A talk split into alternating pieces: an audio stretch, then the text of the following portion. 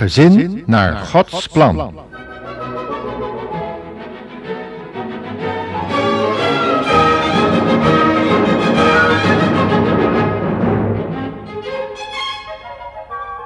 Welkom luisteraar in ons programma Gezin naar Gods plan, waarin we deze keer de kunst van het luisteren met elkaar willen bespreken.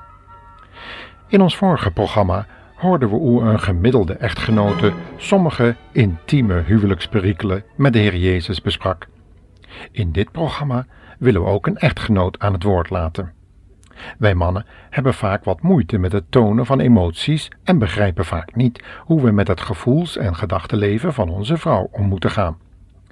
Mijn advies aan iedere mannelijke luisteraar is dan ook om toch maar eens de moeite en tijd te vernemen om naar je vrouw te luisteren maar haar ook de ruimte te geven om haar gevoelens met je te delen. Voor een vrouw zijn details vaak erg belangrijk. Details waar wij mannen vaak geen aandacht voor hebben. Het vraagt dan ook veel toewijding om je als man toch in die emoties van je vrouw te verdiepen en na te denken over de vraag hoe je je gezin moet leiden en je vrouw moet liefhebben. Maak daarom je vrouw duidelijk dat je de relatie met haar en je gezin belangrijk genoeg vindt om er die aandacht aan te geven. Als man zien wij vaak niet de noodzaak van een diep, diepergaand gesprek en relatie met de echtgenote. Maar God heeft de vrouw als een hulp naast je geplaatst. En we moeten daarom alleen al die hulp beter leren verstaan en waarderen. Hierdoor leer je elkaar ook meer bewust aanvullen.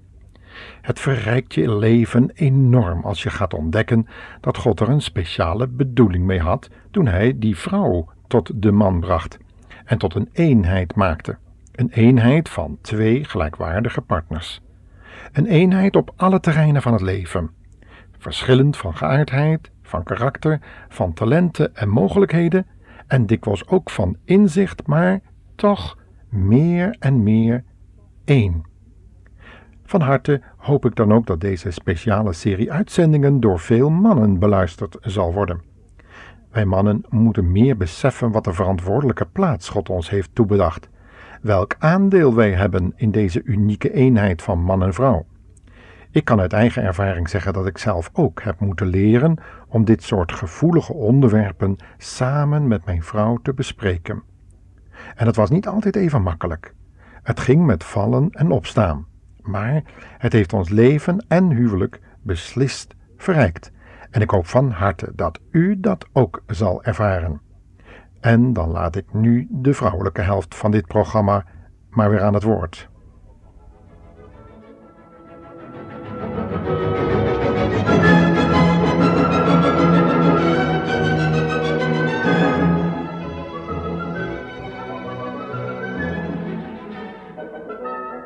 We gaan nadenken over de vraag hoe het onderlinge gesprek bevorderd kan worden, is het nodig eerst even stil te staan bij de hoofdoorzaak waardoor veel mensen de weg naar elkaars hart niet weten te vinden. De hoofdoorzaak is namelijk de vervreemding van de mens van God. Daardoor zijn de mensen ook van elkaar vervreemd.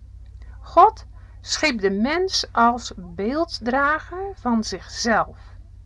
Hij wilde met de mens omgaan als met een vriend.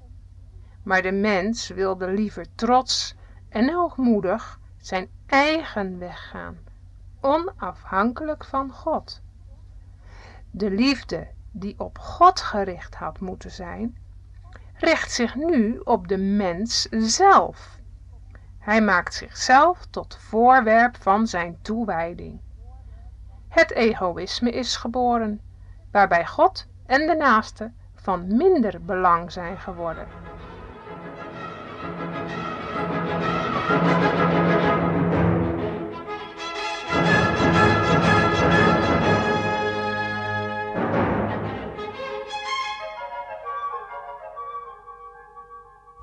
Door het gezag van God niet te erkennen, is de mens op zichzelf aangewezen en is hij van God vervreemd die de mens voor zichzelf en de ander gemaakt heeft.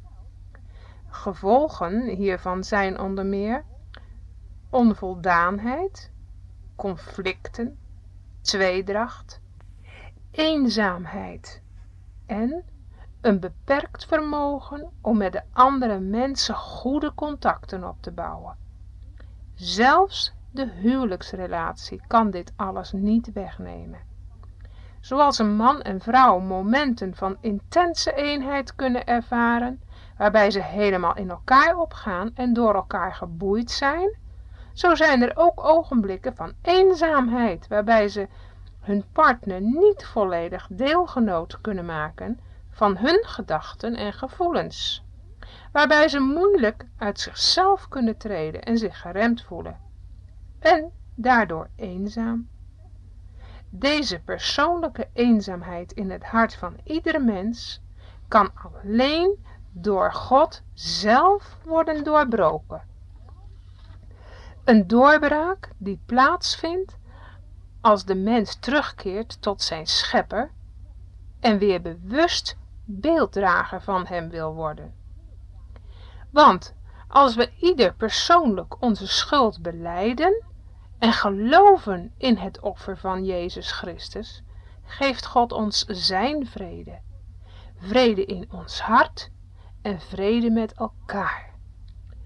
Door Christus kunnen onbegrip, eenzaamheid en conflicten tussen twee mensen in het niet vallen en vinden ze beide in hem een nieuw begin. Een basis van waaruit ze geleidelijk aan meer eenheid zullen ervaren in de dagelijkse omgang met elkaar.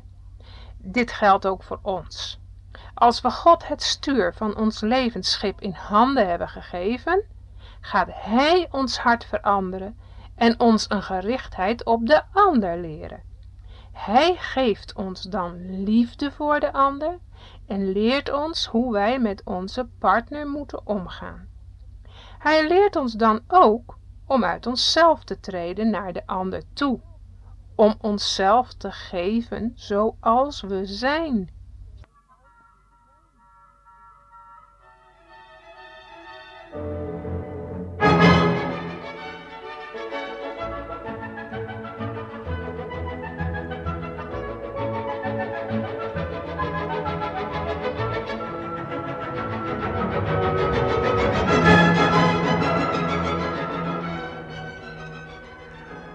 Voorbeeld van die eenheid duidelijker te maken, willen we samen iets lezen uit de brief van Paulus aan de Efeziërs. Hoofdstuk 2, vers 14 tot 16. Daar staat het volgende: Want Hij zelf, dat is de Heer Jezus, is onze vrede. Hij heeft u en ons tot één volk gemaakt door de muur van vijandschap die tussen ons in stond af te breken. Door voor ons te sterven heeft Christus afgerekend met de wet die de oorzaak van de scheiding was. Hij bracht de twee tegenstanders bij elkaar door hen tot één deel van zichzelf te maken. Hij smeedde die twee samen tot één persoon en toen was er vrede. Nu wij tot hetzelfde lichaam behoren, is de wederzijdse haat en onbegrip verdwenen, want wij zijn allebei met God verzoend. Door het kruis is er een einde aan die tegenstelling gekomen. Jezus kwam met het goede nieuws dat het vrede was, zowel voor u die ver van God was, als voor ons die dichter bij Hem leven. Ook in Efeze 4, vers 3 tot 6 wordt over dit onderwerp gesproken. Daar staat: Doe uw uiterste best om die eenheid te bewaren die de Heilige Geest onder u tot stand heeft gebracht, door in vrede met elkaar te leven. Wij horen immers allemaal bij hetzelfde lichaam. We hebben diezelfde geest. Wij verwachten dezelfde heerlijke toekomst, omdat God ons heeft geroepen. Voor ons is er maar één Heer, één geloof en één doop. En we hebben allemaal één en dezelfde God en Vader, die boven ons allen staat, die in ons allen is en door ons allen werkt.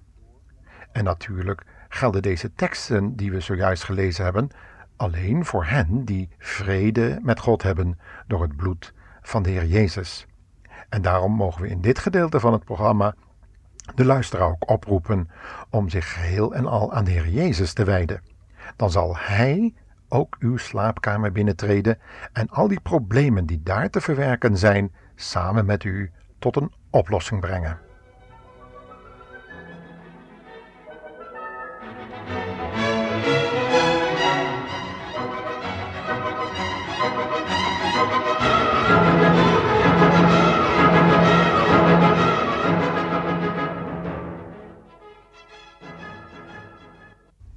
Als je bijvoorbeeld over iets heel erg blij bent, wil je dat wel aan iedereen vertellen. Je kunt het niet voor jezelf houden. Als je dat spontane verlangen niet kwijt kunt, doordat er niemand in de buurt is, kun je je met die blijde gevoelens erg eenzaam voelen. Zo is het ook met iets verdrietigs. Je wilt dan die gevoelens delen met iemand die ze zal begrijpen en met je mee kan leven.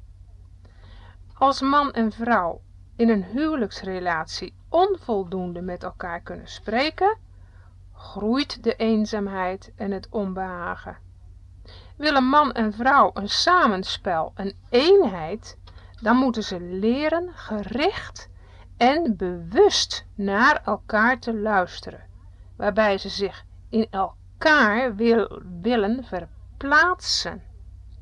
Voor het spreken met en luisteren naar elkaar gelden echter bepaalde voorwaarden.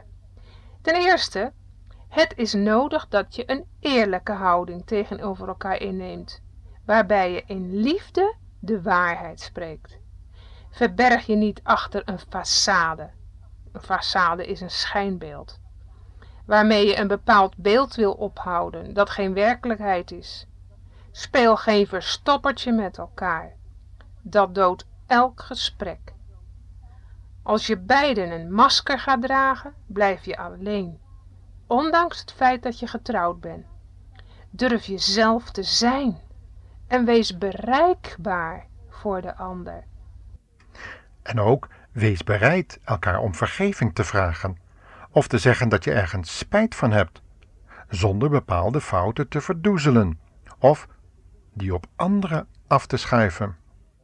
Durf het initiatief te nemen, zonder eerst lange tijd door een ijzige stilte en dode blikken te laten merken dat er geen contact is. Neem afstand van dit verstoppertje spelen. Het is immers niets anders dan een bewust gesloten houding voor elkaar, waarbij je elkaar eigenlijk voor de gek houdt. Neem het initiatief en zaai openheid, vertrouwend dat deze vrucht zal opkomen. Wacht hierop in geduld en win het vertrouwen van je partner door naar hem of haar te luisteren.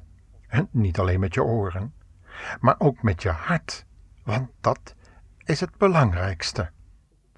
Het welslagen van een huwelijk hangt grotendeels af van de intimiteit die je bereikt, de onderlinge openheid en het samenspel om die openheid te bevorderen.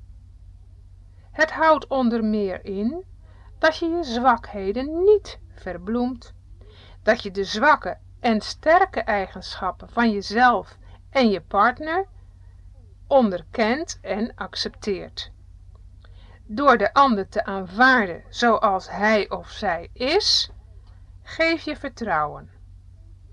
En daardoor kan je partner zich weer heel gemakkelijk openstellen. Hij of zij voelt zich dan niet afgewezen of veroordeeld.